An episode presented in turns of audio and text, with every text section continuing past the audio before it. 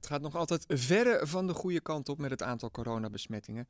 En Amsterdam vraagt jou, als je er eentje hebt, je wapen in te leveren. Welkom bij het gesprek met de burgemeester.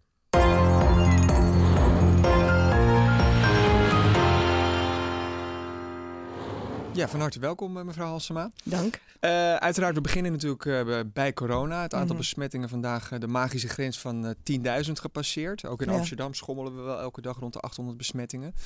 Um, ja, u bent ook deze week nog weer in de ziekenhuizen geweest. Wat, wat is uw beeld daar? Um, dat er heel hard gewerkt wordt. Um, dat het krap zit.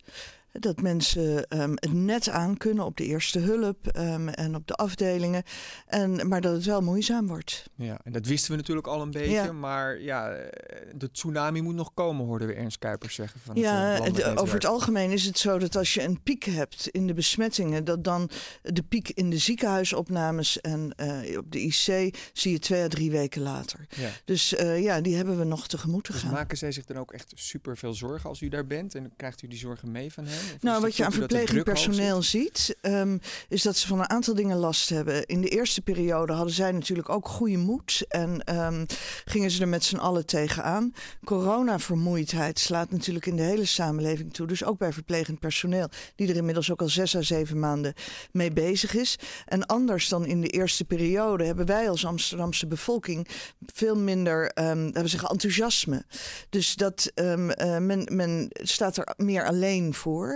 En moet heel erg hard werken. En, um, en het, het, blijft natuurlijk hetzelfde. Is dat het ziektebeeld ook tot grote emoties leidt. Ja.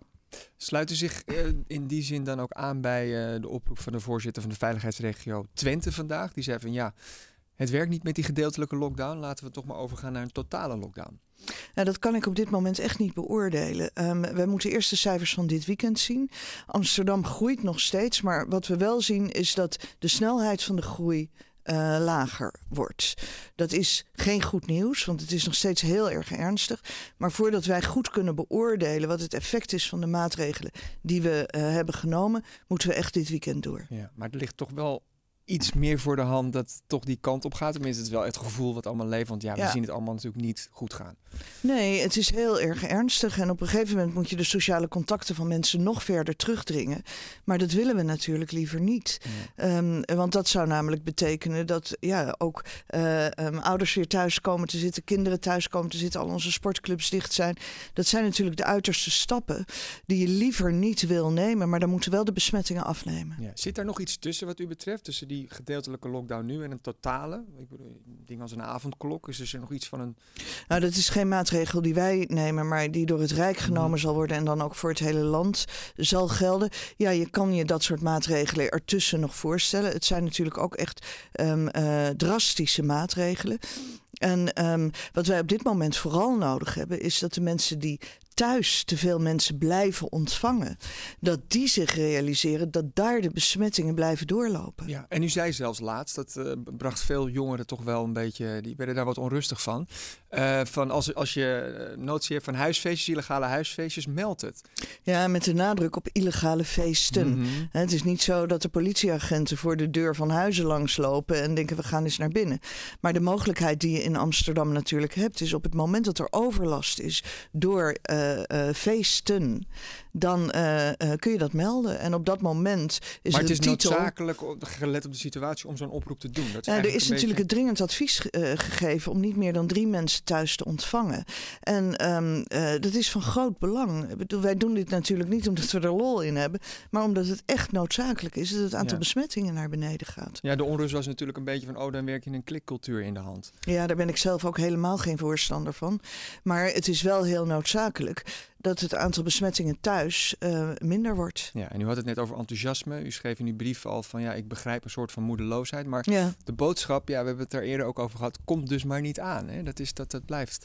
Nou, we zien heel... wel dat de groei um, uh, iets ja. minder omhoog gaat. Um, maar um, ja, het is, mensen hebben veel moeite om zich te houden aan de coronaregels. En dat is heel problematisch.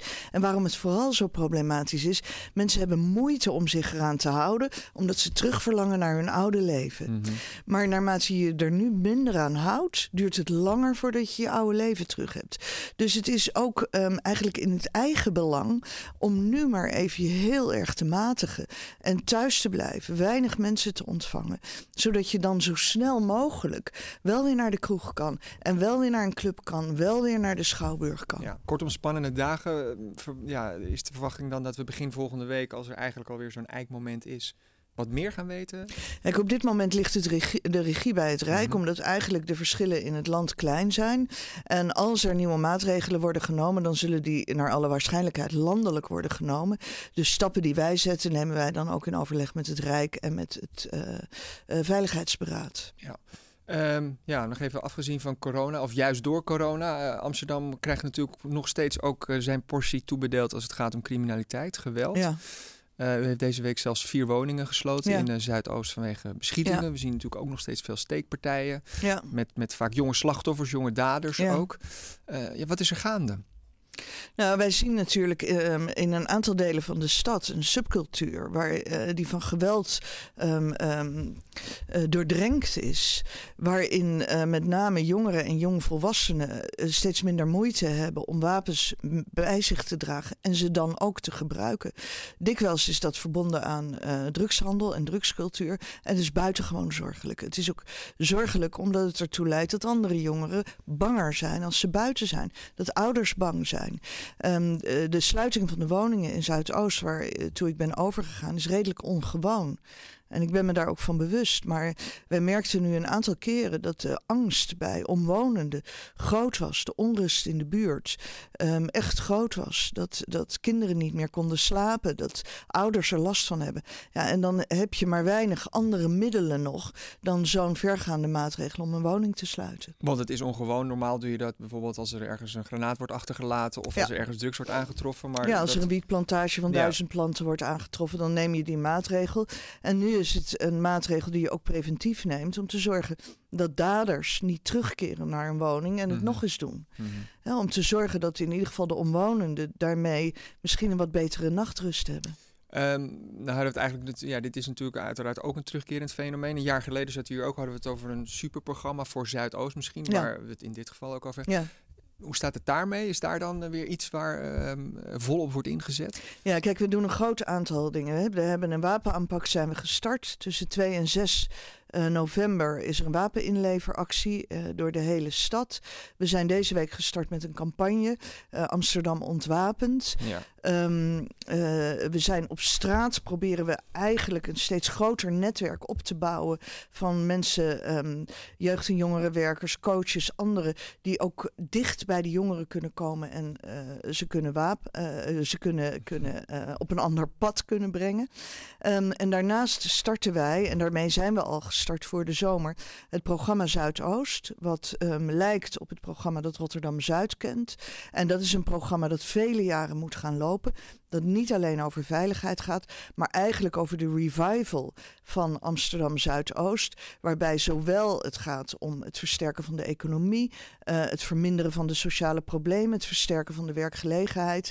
En dat is een programma dat met heel veel partners in de stad um, wordt gedaan, waarbij ook de bewoners van Zuidoost een grote rol moeten gaan spelen. En als we het even hebben over die campagne, je, je bent de man als je zonder wapen kan, ja, uh, zag ze hangen in de stad, ja. uh, die wapeninleveractie. Ja. Ja, eh, wat, wat, is uw doel? Want ik weet dat in Amsterdam in 2011 hebben we ook eens een keer een grote wapeninleveractie mm gedaan. Toen waren het toch vooral oude vandaag die nog met eh, oude wapens uit de Tweede Wereldoorlog van opa of oma aankwamen zetten. Aankwamen, ja. Ja, de, de zware jongens gaan daar natuurlijk niet uh, vrijwillig komen ze met een arsenaal aanzetten. Nee, maar het kan natuurlijk wel degelijk zo zijn dat er ergens wapens liggen waarvan mensen denken, ja, laat ik het nu toch maar van de gelegenheid gebruik maken. Je haalt wapens toch van de straat en uit huizen. En ik hoop dat zoveel mogelijk mensen er natuurlijk gebruik van maken.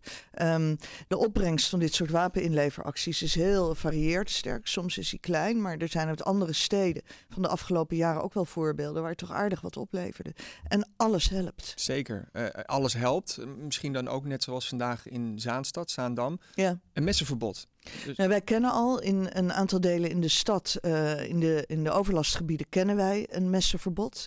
Uh, na, naast dat er een algemeen verbod is om wapens bij je te dragen. Ja, maar dit zijn dan net de wapens die daar buiten vallen natuurlijk. Ja, maar daarvoor, daarom hebben wij in een aantal overlastgebieden in het centrum, in Amsterdam-Oost en Amsterdam-Zuidoost, alle messenverbod ingesteld. Ja. Alleen, Met grote boetes daarop ook?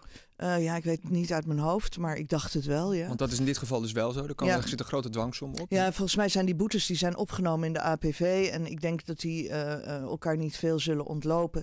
Alleen is het, de opbrengst van dat messenverbod is over het algemeen niet heel groot. Omdat de meeste al opgenomen zijn in de, wapenswet, of in de wet wapens en munitie. Dus ze zijn al verboden. 75% van de um, messen is al in de hele stad verboden. Nou, dan hoeven we ook geen wapeninleveractie te doen dan. tenminste, dat is, ja, dat, u wilt alles doen. Ik denk dat het toch wel zijn nut zou kunnen hebben. Want het is gekoppeld ook natuurlijk weer aan enerzijds aanhoudingen, anderzijds ook preventief fouilleren in Zaandam. Mm Dat is in de hele gemeente daar mogelijk. Mhm. Eh, ik kan me voorstellen dat er ook een soort van chilling effect van uitgaat. Dus dat je dus wat drie keer nadenkt voordat je dan ook met je wapen op straat gaat. Ja, kijk, er is een algemeen verbod uh, om wapens bij je te dragen. Er is een messenverbod in die delen van de stad waar um, uh, um, dat ook het vaakst mm voorkomt. Hè. De, mensen het vaakst worden aangetroffen met messen. Maar er is natuurlijk echt een verschil tussen, um, laten we zeggen, op papier een nieuw verbod te introduceren en de handhaving ervan. En bij handhaving is het vooral heel belangrijk dat je mensen betrapt. Ja, dus, dus u voelt er niet voor. Of, we hebben het al, dus we hebben het niet nodig, zegt u. We hebben het al. Ja. Dat is het. Alleen, het is, we hebben natuurlijk nog niet zoiets als preventief fouilleren. Want we hebben dat natuurlijk eerst... Uh, volgens mij heeft u gezegd dat u dus eerst uh, de wapeninleveractie wil afwachten. Want staat die pilot dan echt wel gepland voor na die wapeninleveractie begin november? Ja, kijk, zoals u wellicht weet, is een, eh, een belangrijk deel van de Raad is een tegenstander van preventief fouilleren. Mhm. En dat maakt natuurlijk dat ik terughoudender ben met de invoering ervan, omdat ik eh, tegen eh, de wens van de Raad.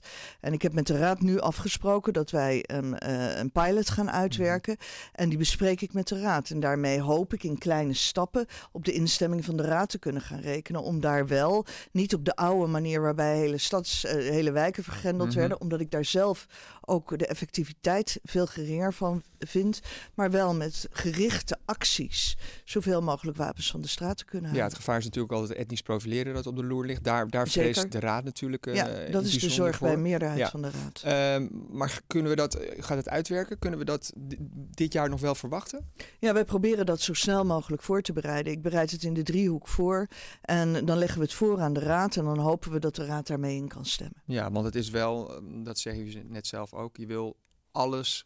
Wat je, wil er alles aan doen. Ja, en dat is nodig ook, want dat zien we dus eigenlijk. Kijk, en het allerbelangrijkste is natuurlijk optreden van politie en handhaving. De politie zit goed in de wijken.